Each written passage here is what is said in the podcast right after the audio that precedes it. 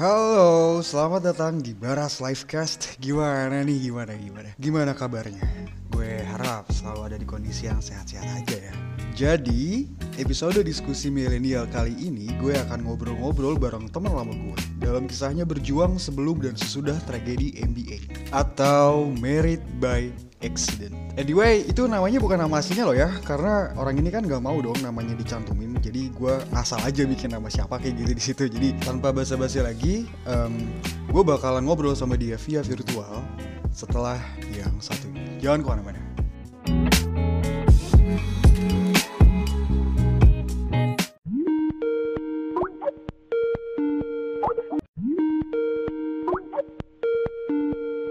Halo, Hai,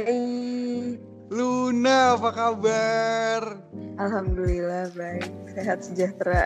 Kapan terakhir kita ketemu? Terakhir ketemu 2017 di McD Cibubur Oh, gua inget. Setelah suatu insiden, gue nggak tahu Iya, pada iya, telepon iya. siapa, gue nelfon aku.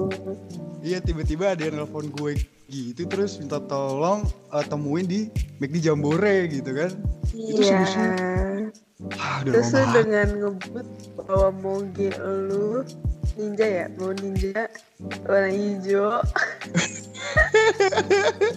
Aduh, gimana nih dari sekian panjang kita nggak pernah ketemu lagi ada cerita apa aja nih? Lo sekarang stay di mana sih? Sekarang stay di Cibubur, masih di Cibubur. Semoga nasib gua nggak kayak bubur. Iya. Oh berarti masih di tempat yang lama ya? Masih di tempat yang lama, masih sama suami, alhamdulillah. Lu sekarang lagi sibuk apa sih? Lu kerja masih yang lama atau udah pindah atau gimana? Gue masih kerja yang lama, masih jadi project admin. Ah, jadi ceritanya eh, Luna ini teman lama gue, gue kenal dia itu dulu Di apartemen tahun Cibubur. 2016. Di apartemen Cibubur, gue kenal dia. Kebetulan gue 16. kapan tuh? ketemu 2012 bar SMP, gue SMP, lo baru Oh. masuk SMA. As I remember gue tuh masih gue tuh masih main sama Tit gitu kan. Yang which is Oh. di apartemen Cibubur. Ingat gak sih? Terus eh gue nginep di di apartemen dia karena nyokap gue keluar kota.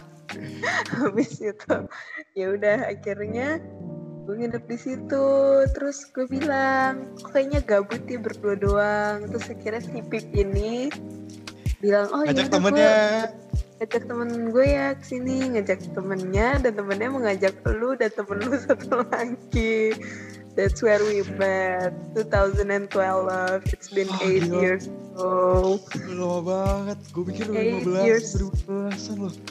no Jadi gue kita kenal dia di situ tahun 2012 ya, 2012 13 lah ya. 2012 2013 2012. gue lulus SMP. Oke, berarti ketemu gua kenal sama Luna ini tahun 2012 di apartemen Cibubur di Kervino Village ya? Ya itulah pokoknya iya, saya lupa lagi. Iya kalau nggak salah. Wah, gitu lama banget sih. Aduh, itu temen lo yang si itu apa kabar tuh? gue nggak pernah ketemu sama dia lagi but the last time uh, we keep in touch itu waktu gue kasih tahu dia tentang condition gue uh, I was pregnant by then on 2016 terus gue kontak dia setelah gue married gitu. And by the way I'm also pregnant gue bilang gitu ke dia. Terus dia yang kayak oh my god ah serius gitu. Terus even nyokapnya tiba-tiba eh, ini gak ngechat sih request to follow gue di Instagram gitu. Oh, jadi kayak nyokapnya even her mom wants to know tentang apa kabar gue gitu loh. Karena kan Oh. gue sering nginep banget kan di apartemennya dia iya sih. it's been four years and never keep in touch with her again Ah, berarti udah bener-bener lost kontak ya sama dia. udah udah lost banget sih Gue boleh gak sih sedikit ngulik tentang cerita lo? Em, gimana sih cerita lo eh, perjalanan hidup lo bisa memutuskan untuk menikah muda? karena memang kondisi yang mengharuskan bukan memutuskan ya Mhm. gitu mencoba untuk ikhlas dengan apa yang terjadi sih jadi waktu kelas 3 SMA itu I wasn't 17 by then. Percaya nggak?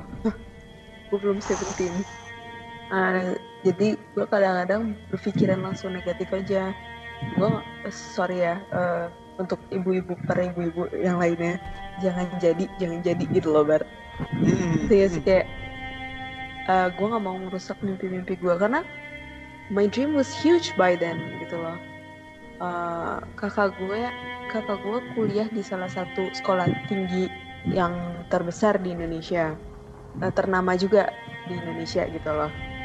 Hmm. gue apa namanya gue nggak mungkin ngancurin uh, nama baik kedua orang tua gue gitu loh. Even though mereka is separated dan mereka sudah menghancurkan nama mereka sebelumnya gitu loh. Cuman kan sebagai anak gue pasti mau yang terbaik untuk kedua orang tua gue gitu loh gue nggak yeah. mau merusak impian mereka tentang anak bungsu mereka gitu loh ngerti gak sih bar hmm, kayak hmm, hmm, hmm. sebagai parents itu pasti kan kayak oh anak pertama gue udah ketahuan nih kayak gini bakatnya gue hmm. mau anak bungsu gue mempunyai suatu bakat yang dia lebih suka gitu loh ngerti gak sih yeah, gue mau yeah. anak gue juga jadi semua orang tua memiliki kayak impian seperti itu kan. Gue mau uh. anak gue jadi orang gitu. Loh uh, pokoknya gue berusaha tuh untuk mengeluarin itu enggak ya. Gue nggak hmm. mengurus gue nggak mengusahakan untuk itu keluar tapi I hate it. Dari hati gue tuh gue benci kayak gitu loh istilahnya.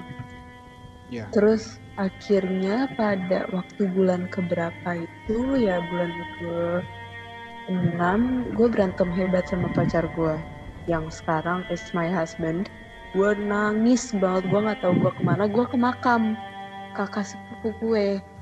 Ya pokoknya gue ke makam sepupu gue siang yeah. bolong jam 12 jam 1 siang gitu bar. Gue ke makam. panas banget sih.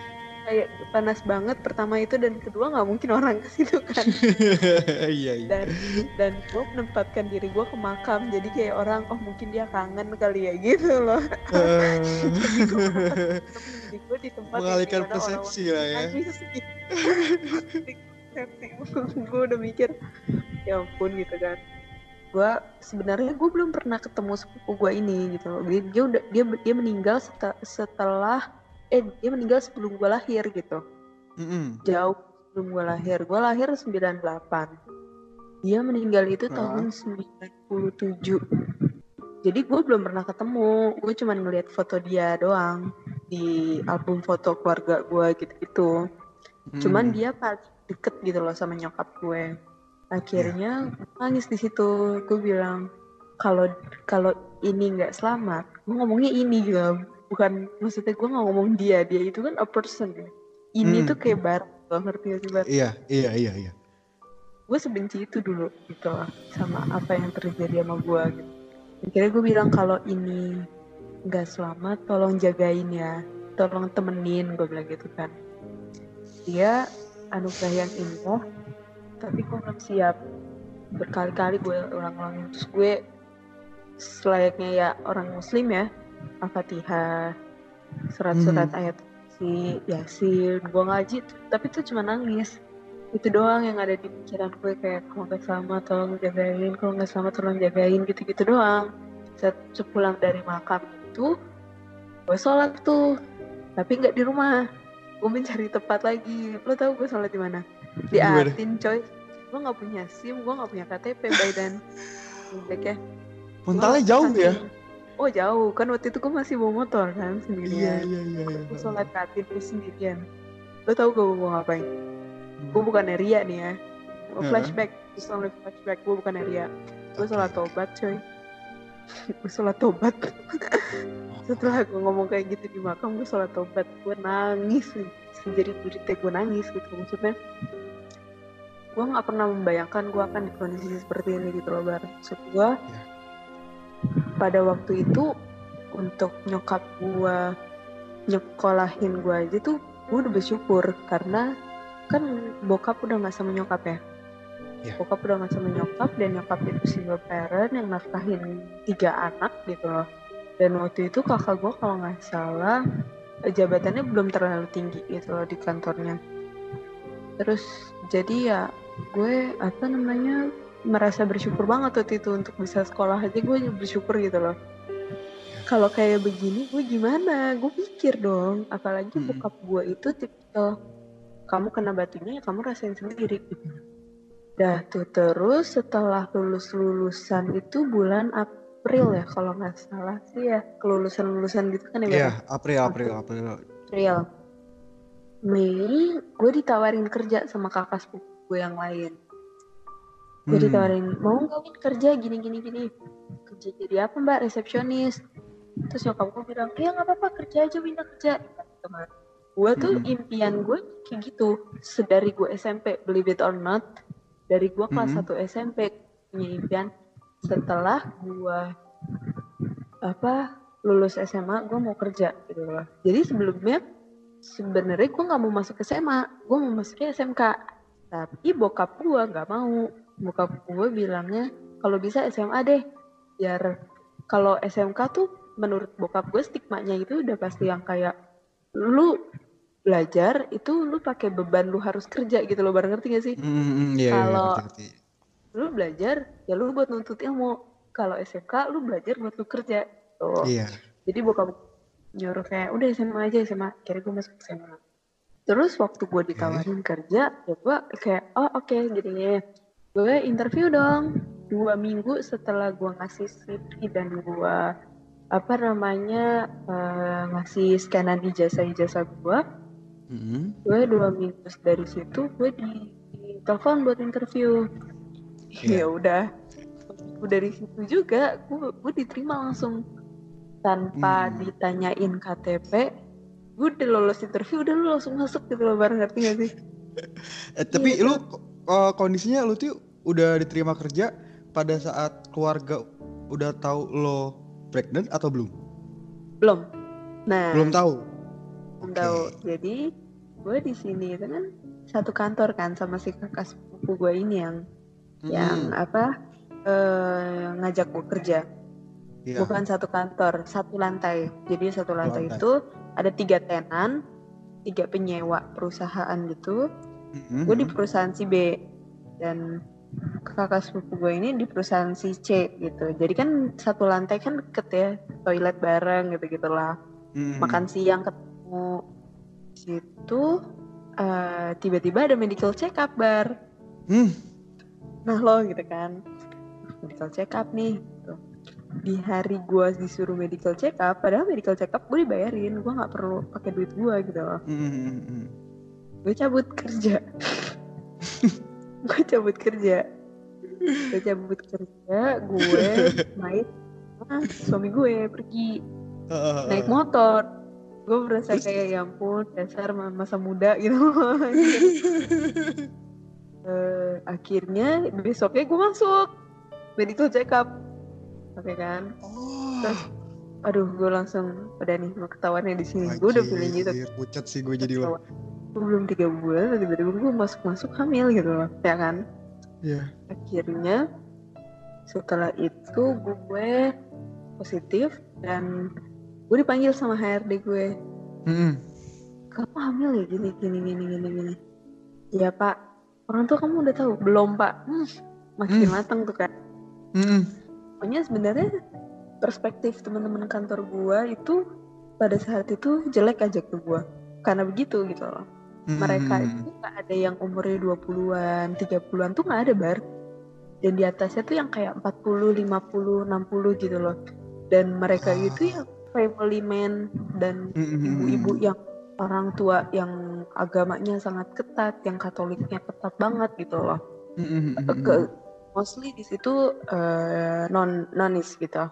Akhirnya gue hasil itunya hasil medical check up gue dikasih ke kakak sepupu gue oleh salah satu teman kantor gue Eh, ngasih tahu nyokap gue di balik di belakang gue gitu padahal gue punya planning yang kayak gue mau ngasih tahu dia pada saat setelah pulang dari sini pulang dari kerja gitu Hmm, hmm. tiba-tiba gue lagi kerja di WhatsApp sama nyokap gue kamu hamil terus gue yang kayak aduh kakak sepupu gue yang kuliahnya di Kediri pun WhatsApp gue gila kamu ah ya. gue gue ngetik di notes gue ngetik di notes assalamualaikum warahmatullahi wabarakatuh. Aku minta maaf ya. Itu gue copy paste ke setiap keluarga gue yang ngechat gue Ya, ya, gue, udah kebayang lu ngapain notes pasti lu mau copy paste. Ya oke. Terus terus terus terus Iya. gimana gimana? Responsif keluarga lu gimana setelah lu kasih itu pulang kerja langsung pulang. Enggak ke mana-mana lagi. Gue nyampe rumah udah ada nyokap gue udah ada tante gue udah ada kakak gue sama yang kedua. Padahal kakak gue yang pertama ini ngekos di Bintaro. Karena dia nggak pernah ada waktu buat pulang ke Cibubur gitu. Dan itu 24 Agustus gue inget banget. Kira dari kantor gue pulang ke rumah. Gue bilang nyokap gue jam 7 gue ke kampung tengah Kramat Jati. Bilang bokap gue gue datang. Kenapa nih? Tumben banget. Untung papa belum tidur gitu enak gitu loh bar. Enak banget gitu. Eh, apa Hmm. namanya welcomingnya dia gitu. Dia nggak tahu apa yang bakal gue omongin lima menit ke depan. Duduk nih gue samping bokap gue suami gue di samping kiri gue. Gue bilang kalau aku hamil gimana pak?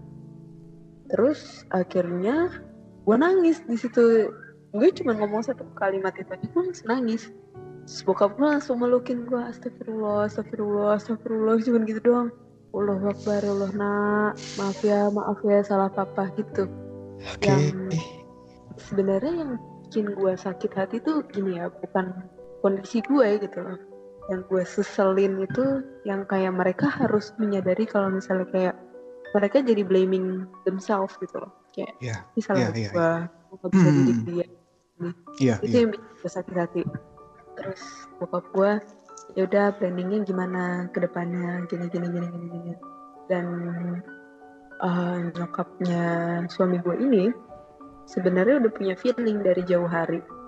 Dari gue oh udah ada kayak feeling ada yang gak right. beres ya? Ya oh, oh, something wrong. Something's not right gitu loh. Dia dia nanya ke suami gue ah ah, hamil ya?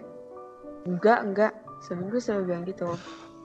Terus habis itu besoknya pulang kerja gue bilang ke laki gue ayo ke rumah kamu. Gue temenin dia ke rumahnya dia. Datang-datang nanyain udah berapa bulan? Langsung gitu. Laki gue nangis di situ kan. Gue di situ udah nangis cuman gue stop gitu loh. Gue maksudnya Hmm, hmm. gue harus tanggung jawab gue nggak Iya. bisa gue nggak bisa menye menye gue nggak bisa gitu. Kondisi kayak gini menye menye it's, it's not an option gitu loh gue oke akhirnya jadinya gue yang kayak gue diem aja. Terus gue ngeliat suami gue nangis Eh gue baru pengen ngomong gue gue pengen ngomong ini udah stop jangan nangis. Eh be brave. Gue gue pengen ngomong kayak gitu cuman tiba-tiba abangnya udah nyeletuk. Ngapain lu nangis? Sudah mau jadi bapak? Digituin sama abangnya. Hmm. Terus itu 24 24 Agustus, 25 Agustus gue ke rumah orang tuanya. 26 27 28 29 29 gue ulang tahun kan. Hmm. Itu 29 pulang. Agustus ya itu ulang tahun termenyedihkan menurut gue Bar selama 20 tahun gue hidup. Selama 17 tahun itulah gue hidup. Pas banget gue sweet 17 kan. Itu termenyedihkan deh. Sampai sekarang itu termenyedihkan. Menyedihkan banget. Karena even my parents didn't say happy birthday gitu. Didn't congratulate me. Oh iya Enggak sel- no one said happy birthday to me that day. Itu yang cuman cuman suami gue doang. Happy birthday, semoga apa namanya kita bisa ngelewatin ini bareng-bareng gitu-gitu loh. Ini consequences-nya gitu loh. Gue bisa dibenci Yap, yap, Bisa yap. orang dari orang tua gue pantas aja untuk membenci gue gitu loh karena kondisinya seperti ini gitu. Hmm. Ya udah tuh akhirnya gue eh ya ya gue harus tanggung jawab sama apa yang gue lakuin gitu kan. Hmm. Tanggal 3 September gue nikah. Oke. Eh, 6 September gue lahiran. Tiga hari doang. Dan waktu itu kalau nggak salah lu nikahnya secara tertutup ya atau kayak ngundang yang Dan keluarga aja. Dan keluarga aja kan ya? aja. Bener-bener tertutup banget gitu. So, eh, soalnya waktu itu gue sempat eh, lagi lihat story tiba-tiba kok ini ada story Luna udah nikah gitu. Gue kaget. Wah terus gue kayak ngerasa ah gue gue pengen banget datang tapi oh kecolongan banget gue gitu ya. Momennya kurang pas kalau gue datang gitu kan. Karena mungkin kan kon- konteksnya kan lagi sensitif lah ya. Oke. Terus waktu ah, SMA itu udah beberapa tahun setelah SMP kan. We were not Hmm. that close lagi kan gitu loh. Hmm, hmm, hmm, hmm. sempat sempat lost lost touch juga kan kita sempat lost contact juga gitu kan. Iya sempat lost kontak karena satu dan lain hal lah ya. Ya tapi tapi waktu tapi walaupun kita sempat lost kontak gue pernah nganterin lo Lia. Iya iya kita pernah jalan-jalan ke taman pip gitu kan Ah, temen-temen tuh naik sumpah lu kita inget pip inget lu tuh kan. inget inget dong temen tuh yang A gue inget yang pakai kacamata gue inget Wah, gue chaos banget. Gue pulang tuh berusaha untuk gimana caranya biar gak nabrak. Gila, itu keren gue sih. kacau ya itu kacau ya semudah Oke oke, kita balik lagi. Jadi waktu tanggal 3 September lo nikah, tanggal 6 itu lahiran. Dan Hmm. eh, setelah anaknya lahir dari dua pihak keluarga ini, kebenciannya masih tetap sama atau sudah mulai berkurang, Lun? Jadi dramanya waktu tanggal 6 itu tanggal 6 itu gue ingat banget itu hari Selasa. Tanggal Hmm. 5-nya gue masih kerja, masih naik kopaja cuy. Lari dari kalau misalnya orang-orang nih yang tahu lu tahu Trakindo nggak? Trakido gue tahu.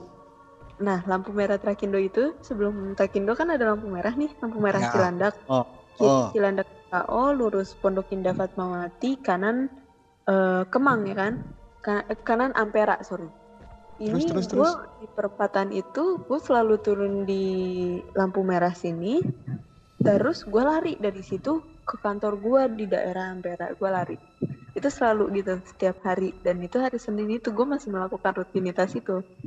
Dan gue harus lari karena itu kan traffic gitu loh maksudnya kalau gue nggak lari yang ada gue ditabrak cuman Oke, two oh options iya. doang. I didn't Oke. run.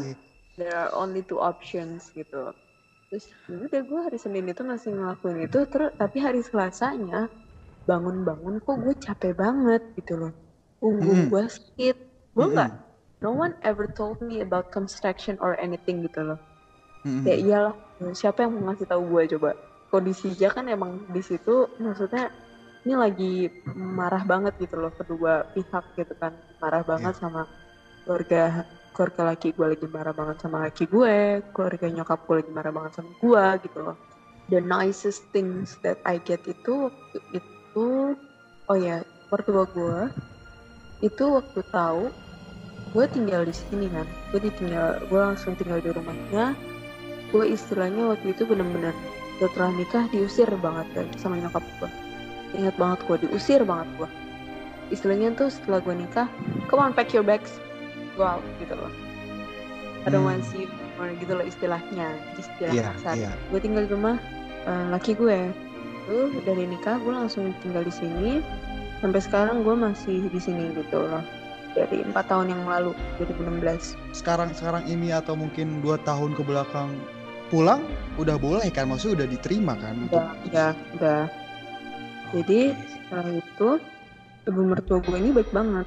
Ngasihin bubur kacang hijau sarapan itu selalu ada. Hmm. yang ada gue masih yang kayak alhamdulillah masih ada orang baik gitu loh. Maksudnya masih ada yang masih ada yang sayang. Bukan sayang sih mungkin untuk dibilang sayang juga pada saat itu kalaupun gue di posisinya dia untuk sayang pun susah ya karena sebel gitu loh. Karena kenapa sih harus begini posisinya? gitu loh. Mungkin gak sih Tapi nggak bisa dipungkiri juga mungkin dia seorang ibu punya nurani lebih untuk mau ngurus si Nah, itu si dia, itu dia. Pada pada hari itu tuh gue habis makan sarapan tuh sebelum sarapan deh subuh itu gue selalu sholat kan akhirnya Hmm. gue sholat terus kok punggung gue sakit gue nggak enak gitu-gitu kan gue nggak Hmm. tahu tuh construction apa aja itu tuh kayak datang terus hilang datang terus hilang gitu-gitu terus ternyata kan? Oh nyeri nyeri nyeri ya ya ya. ya. jadi ya, terus tapi nanti hilang terus tadi nyeri nyerinya makin lama tuh makin sakit gitu kan? Terus yaudah akhirnya gua nggak gua nggak kerja deh gitu. Gue bilang ke laki gue aku nggak kerja deh tolong bilangin HRD ya gini ya maksudnya teleponin. Akhirnya setelah diteleponin gue bener dong gue nggak kerja. Gue nggak kerja. Tapi sorry, eh, waktu lu udah setelah nikah dan lu udah lahiran, lu tuh masih tetap kerja di tempat yang sama atau gimana? masih masih Oh masih tetap jadi. Jadi lu nggak Ah. dikeluarin dari kerjaan lama ya? ini lebih lucu lagi Eh, Gimana tuh? jadi kan eh, apa namanya setelah gue ini gue nyeritain waktu hari H gue lahiran ya Hmm. karena deket banget ini jadi waktu hari H gue lahiran itu tanggal 6 Agustus eh 6 sorry 6 September 6 Mm-mm. September gue lahiran itu pokoknya tadi gue ceritain itu sampai mana sih? Oh ya gue bisa sarapan ya? Gue bisa sarapan gue nggak kerja nih. Gue nelfon Mm-mm. ya gue nelfon HRD gue untuk yang gue nggak masuk gue nggak enak badan. Jadi gue di rumah gue beres-beres barang-barang gue gue unpack bags gue kan keluarin keluarin baju-baju gue ya kali dari tiga dari 3 September sampai 6 September kan gak mungkin gue punya spare on time untuk packing kan Mm-mm. Akhirnya gue ngeluarin baju-baju gue gitu-gitu segala macam kan. Perintilan-perintilannya lah segala ijazah-ijazah gue gue bawa-bawa Semua nomor berkas-berkas, iya iya iya pasti untuk penting. Padahal maksudnya kan nih kayak ya elah dulu taruh aja kali di rumah nyokap gue gitu loh. Toh gue nggak perlu perlu amat kecuali kayak KTP gitu loh ngerti gak sih? Hmm, kayak ah, iya. eh waktu azan maghrib kalau nggak salah iya azan maghrib gue ngerasa kok kayaknya gak enak nih ya. Apa namanya sorry cewek ini pasti ngerasain kayak kalau misalnya lagi duduk terus tiba-tiba mens menstruasi Mhm. terus tiba-tiba kok kayaknya ada yang mm, ada yang keluar keluar gitu loh. Ah, Oke, terus terus? Terus kok merasanya kayak ada yang itulah ya pokoknya. Ada yang ngalir Kayak, keluar gitu ya? oh ada yang ngalir keluar nih? Gue ngerinya gue pendarahan. Gue Heeh. ngeri banget kan kalau misalnya tiba-tiba gue keguguran kan gak lucu ya ya udah akhirnya waktu gue ke kamar mandi ketuban air ketuban gue udah pecah. Oke, terus habis itu Heeh. langsung ke rumah sakit. gue ke bidan. Bidan. jadi pokoknya waktu gue ketahuan itu langsung dicek sama nyokap gue di bidan di, di daerah pasar Rebo. Sama mertua gue dicek di daerah Munjul gitu loh bidannya. Di USG katanya anak gue cowok terus pokoknya gue ke bidan yang di tempat mertua gue check up sama mertua gue check up gitu kan.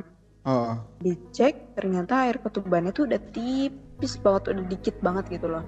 Harus lahir hari itu juga. Terus habis itu gue disuntik untuk penambahan air ketuban di punggung belakang di atas tulang ekor. Gue disuntik di Hmm. situ.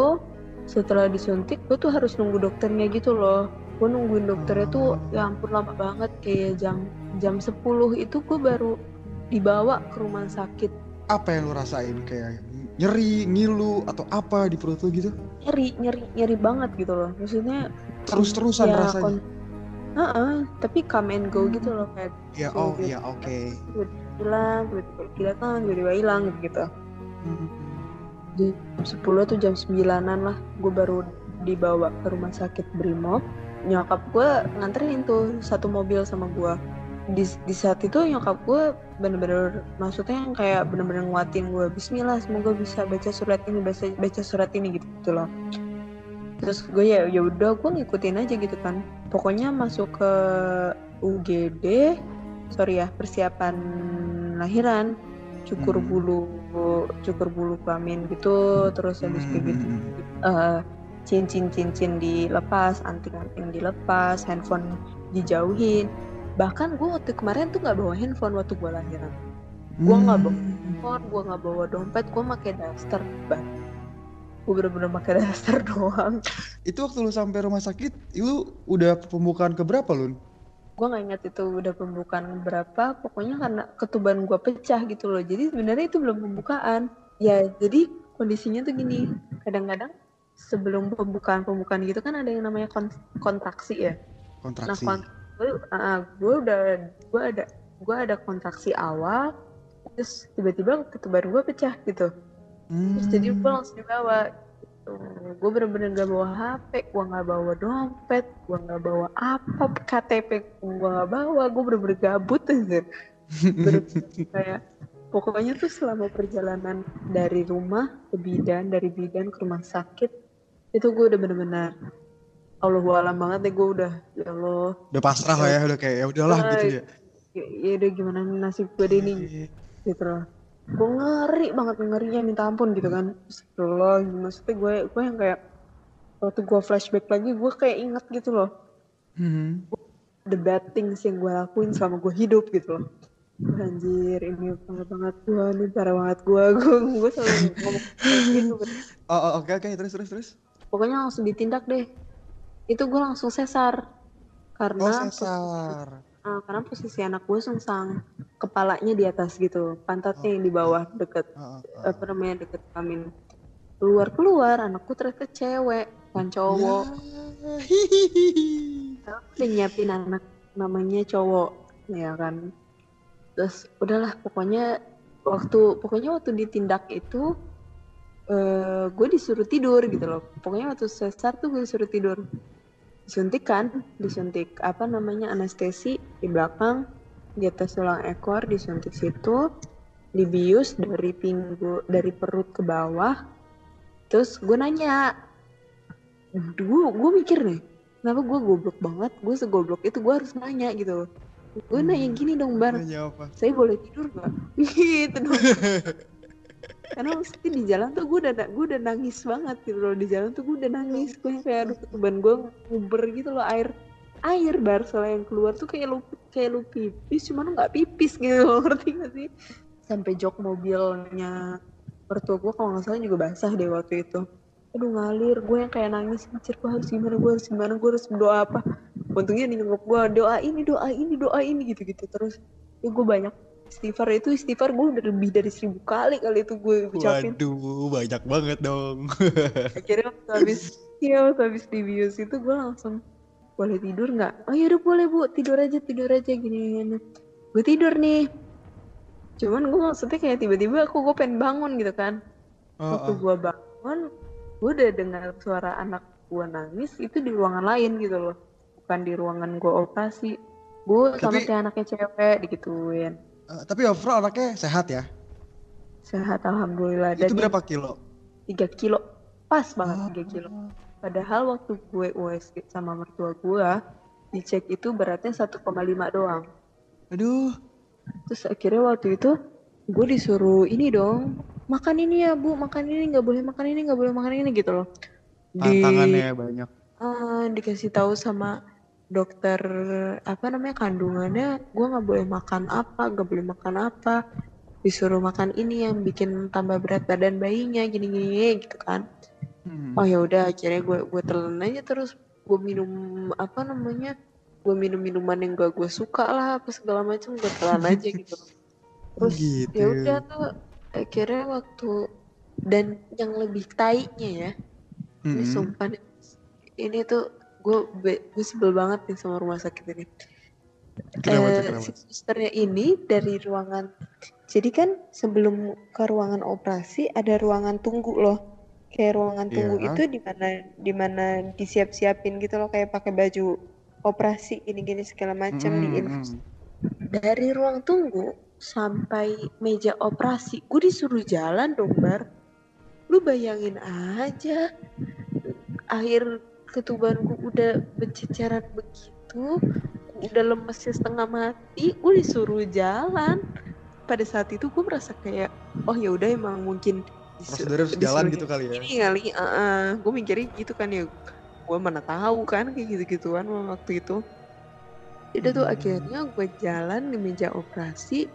Waktu gue nyampe meja operasi eh, si ada dok kayak asisten dokternya gitu loh. Jadi kan ada dokter kandungannya gue yang waktu itu ngecek gue sebelumnya ada yang dokter yang dari rumah sakitnya ini gitu loh kan Mm-mm. Nah, si dokter yang dari rumah sakitnya ini bilang gini dong ke gue. Lah, yang ini yang hamil muda amat. Lu, lu gimana nggak kesel sih? Kayak gue kayaknya Anjir gue pengen buat tuh, anjir. pengen buat pengen buat tempong kayak lu kalau nggak niat kerja lu nggak usah nggak usah kerja nih gue pengen Kayak- gue kayak Wah, Lu anjir juga- mulutnya lu juga anjir gak ada lek-lekan nih. maksudnya kayak lu juga digajinya tuh pakai duit duit pasien tau nggak? Lu pengen gue gituin tau gak sih? Soalnya kan cuman gue udah kayak aduh gue gak ada waktu buat ng- ngeladenin orang-orang kayak begini nih. Gue ketawa aja gitu denger ngomong kayak gitu akhirnya dioperasi.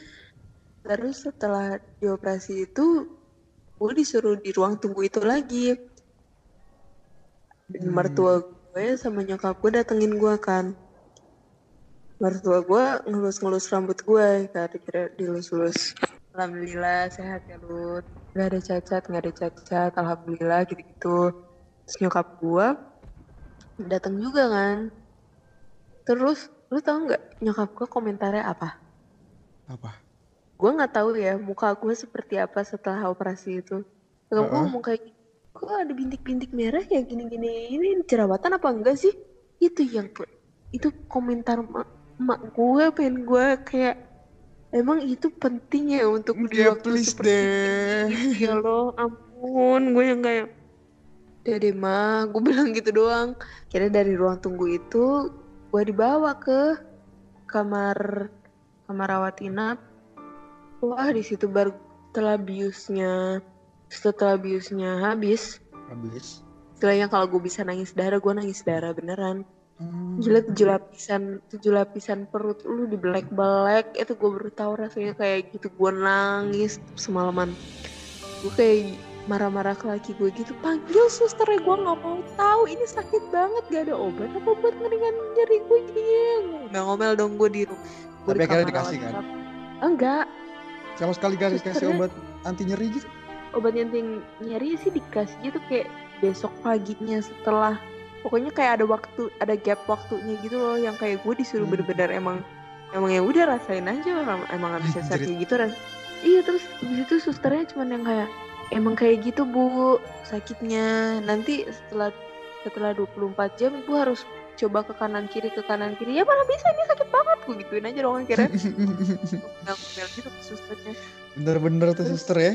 terus udah gue nangis darah ya, semalaman tuh gue yang kayak Astagfirullah sakit banget mama. Gue udah teriak-teriakin nama nyokap gue Mama, mama, maaf, mama, maaf Gue udah begitu aja Saking gue udah Gue udah saking gak taunya gue harus doa apa lagi ya gitu. Maksudnya kalau mau bawa Ustadz bawa aja deh Ustadz ke sini ya Allah udah Udah pasrah banget gue waktu itu kan. Hmm. Akhirnya datang juga pagi nih. Terus dikasih obat Obat anti nyeri baru dikasih tuh pagi itu. Terus beberapa teman-teman gue datang gitu kan. Akhirnya gantian sama suami gue suami gue pulang jagain teman-teman gue gitu-gitu. Hmm. terus suster datang lagi ya gue ada yang kayak ini bisa yang lebih senior gak sih susternya yang datang ke sini? Gitu loh. Soalnya suster yang datengin gue tuh kayak suster yang masih muda-muda gitu loh bar. Perawat-perawat yang baru. Sorry ya gue bukan yang merendahkan para perawat-perawat. Perawat-perawatnya ini dengan muka innocentnya mereka. Kanan ke kiri ya bu harus dibisain. Biar lukanya nggak kaku gini-gini Rasanya gue mau gue geplak nggak tuh perawat gue bukannya ngerendahin profesi mereka ya sorry sorry to Mhm. say bukan gitu cuman alangkah lebih baiknya kata-katanya ada yang ditambahin gitu di depannya bu maaf saya tahu sakit Ah, mencoba bener. untuk membenarkan kata-katanya lebih dikit gitu loh. Iya, Bu, iya, maaf. penyampaiannya ya. Nah, penyampaiannya itu yang kayak gue tahu banget ini anak belum nikah gitu loh. Gue rasanya gue pengen gue pengen gituin kan. Gue tahu terakhir tahu deh, gue tahu banget. Menurut menurut lu gue bisa nggak kanan kiri gue langsung gitu. Ini gue lagi sakit banget lo nggak gue gitu gituin. Ya, tapi emang harus begitu bu. Gak bisa, gue sakit. Nanti aja deh gue gituin dong. itu sih udah mereka keluar da- itu mereka bertiga loh gue gituin terus udah mereka keluar gitu gue udah bener udah yang kayak aduh ini sakit banget gue, untuk bergerak satu se- satu senti pun nggak bisa anjir. Kayak ya. teman-teman Heeh, teman-teman gue datang pada ngajak ngobrol ngajak-ngajak gue ketawa aja pun gue nggak ngomong apa-apa karena gue se gue bukannya kaku bar gue nggak bisa gitu gue nggak bisa gue mau ngapa-ngapain gue nggak bisa gitu. Wah, gila itu perjuangan banget ya dari ah. Huh, itu bener-bener ngegodok mental lo banget ya. Dari mulai lo harus menceritakan survive dengan si Dede itu gitu kayak ah. Besar perjuangan seorang ibu ya. Jadi, kurang ajar sama nyokap gue gue nggak berani sekarang maksudnya bentuk yang kayak misalnya nih orang tua wajar ya minta uang ke anaknya gitu kan mau minta dong segini gini nih walaupun gue nggak punya sebanyak yang dia mau gue kirim sebisa gue gue kirim berapa. Gue tapi gue nggak bisa nolak gitu loh. Gue nggak bisa nolak sama sekali. Aduh, ya gue tahu gue resmi jadi lu. Ya udah ya udah gue nggak mau gue nggak mau durhaka gitu loh. Nanti yang daripada gue dikatain kamu jadi anak pelit banget gini gini. Daripada masalah runyam ini udahlah. Mm-mm.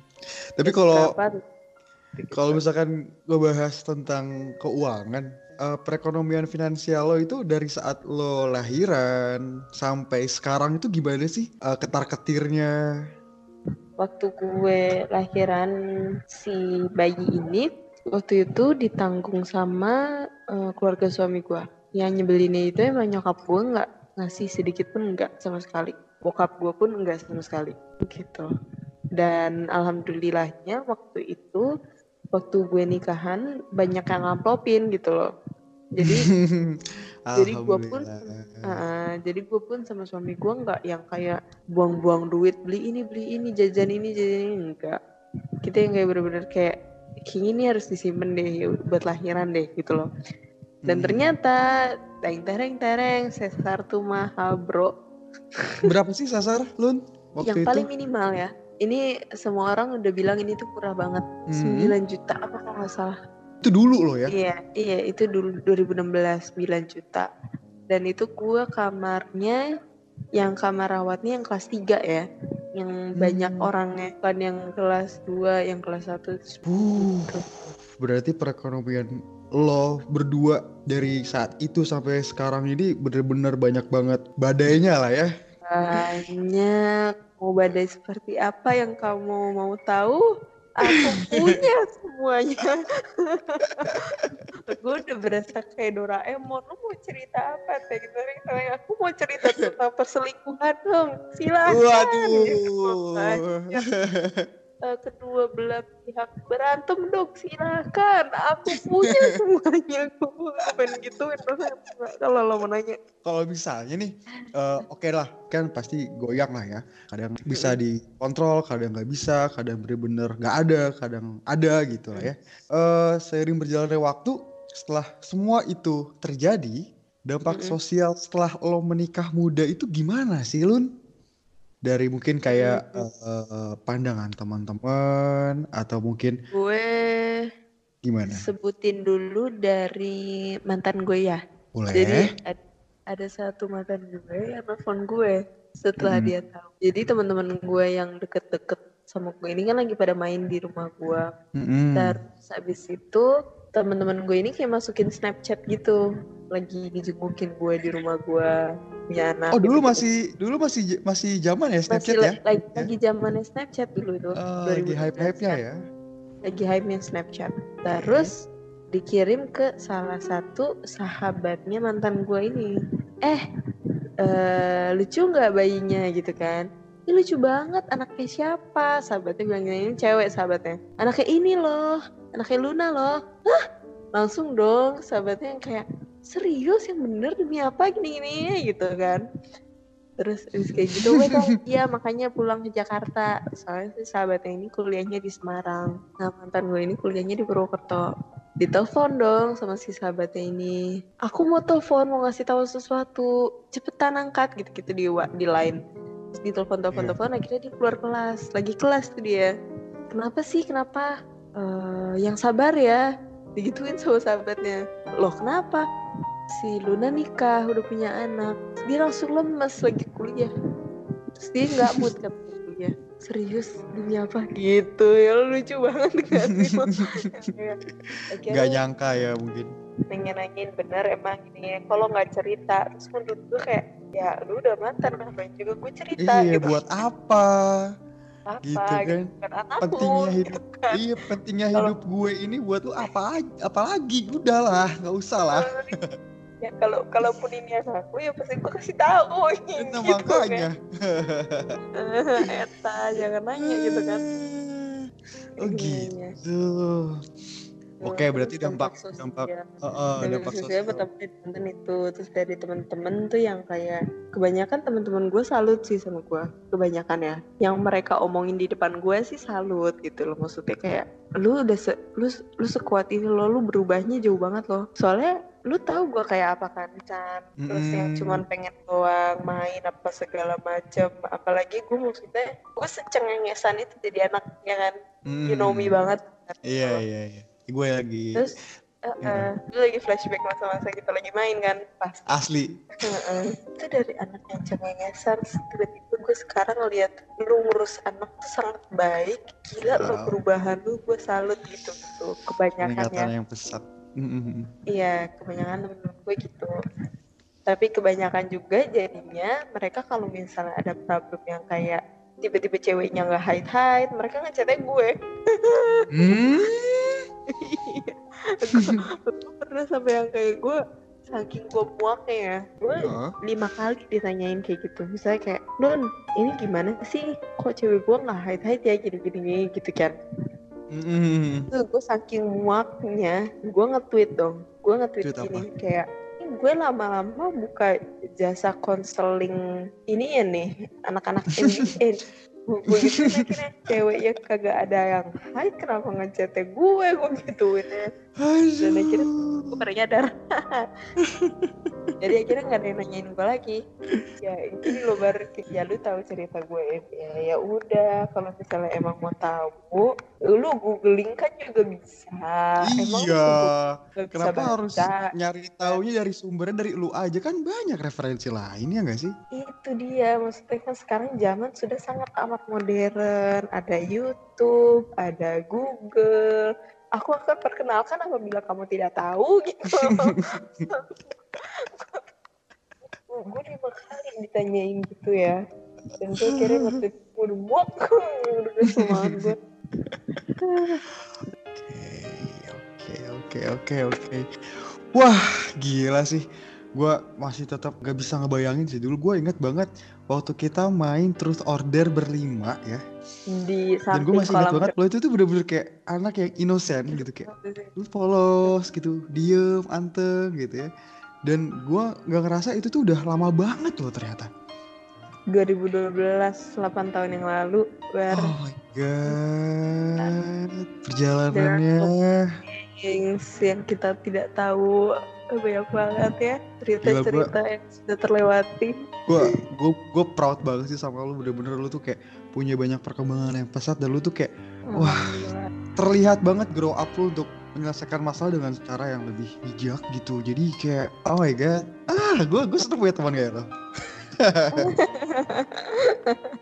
kalau kita bahas masyarakat kita perkecil dulu konteksnya jadi sosial ya atau lingkungan lah. Eh, untuk seorang hmm, eh, untuk seorang pelaku atau mungkin untuk seorang yang menjalankan kisah MBA Luna ini punya nggak ya pesan-pesan untuk mereka di luar sana yang mungkin punya masalah yang sama atau mungkin punya lagi ma- lagi melalui masalah yang sama lagi gitu ya. melalui iya bener. Ada nggak sih pesan-pesan buat mereka? Ada banget. Mungkin ini bakalan tetap beberapa menit lagi nih panjang nih. Gitu.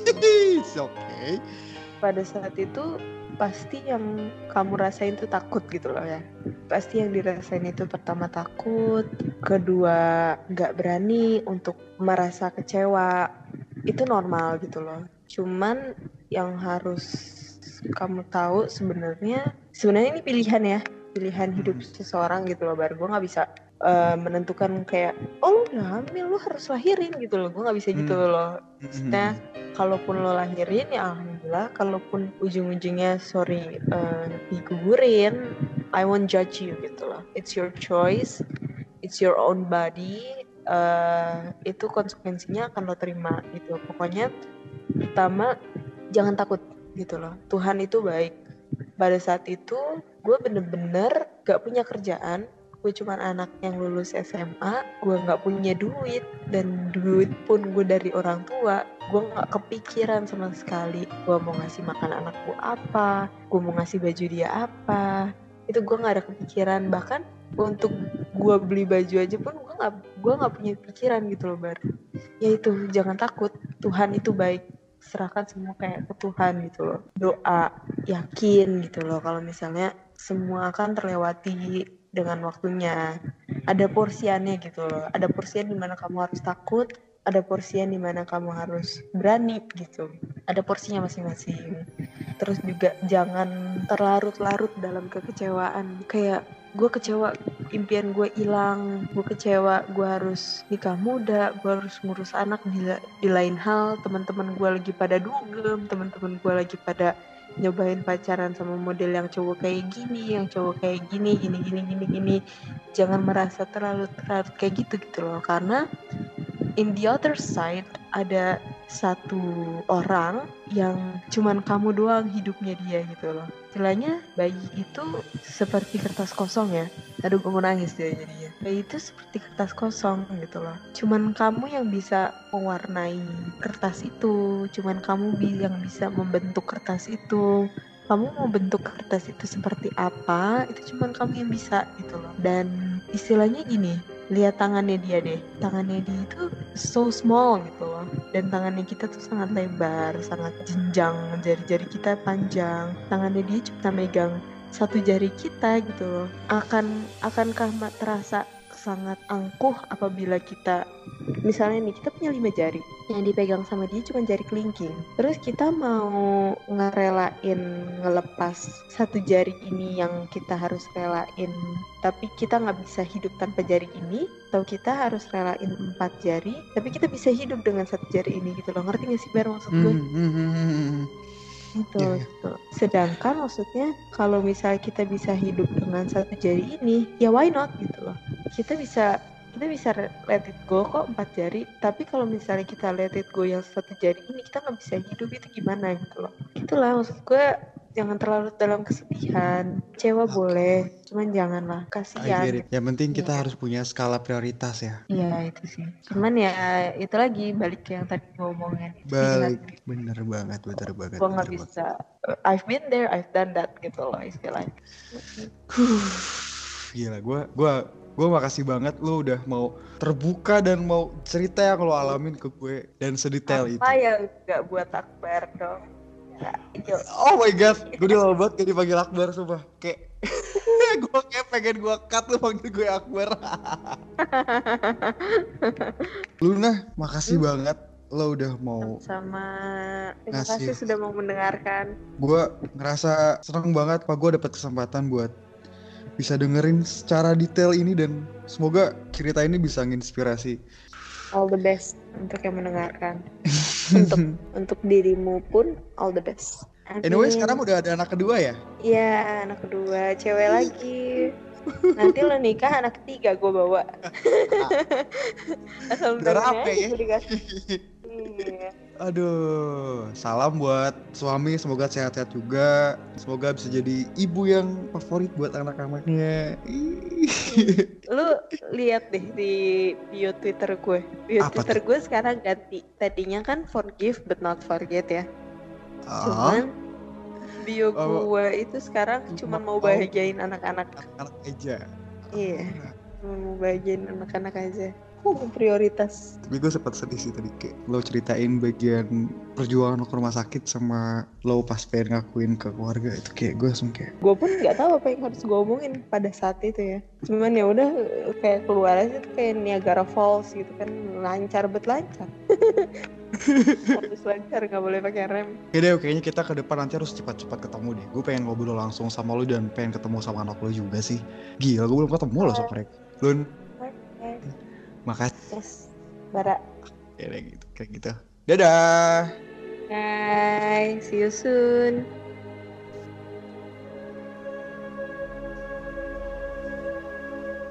Dan seperti itulah kisah cerita perjuangan panjang yang bisa kita anggap itu memang akibat dari perilakunya sendiri. Tapi di lain sisi itu sangat terlihat bahwa perjuangan untuk meneruskan kehidupan sekecil itu bukan suatu ajang yang pantas untuk disepelekan. Harus berpondasikan tanggung jawab dan mental yang kuat demi menuntaskan pedihnya perjalanan. Buat para pendengar di luar sana, harus percaya dan tetap yakin ya, bahwa Tuhan itu sangat adil terhadap hamba yang tidak berputus asa. Tanamkan dalam diri adanya sebab adanya akibat dan setiap tindakan harus dipertanggungjawabkan. Semoga kisah ini bisa lebih membuka wawasan dan gue akhiri sampai di sini. Sampai bertemu di episode berikutnya lagi. Salam hangat dari Baras Livecast.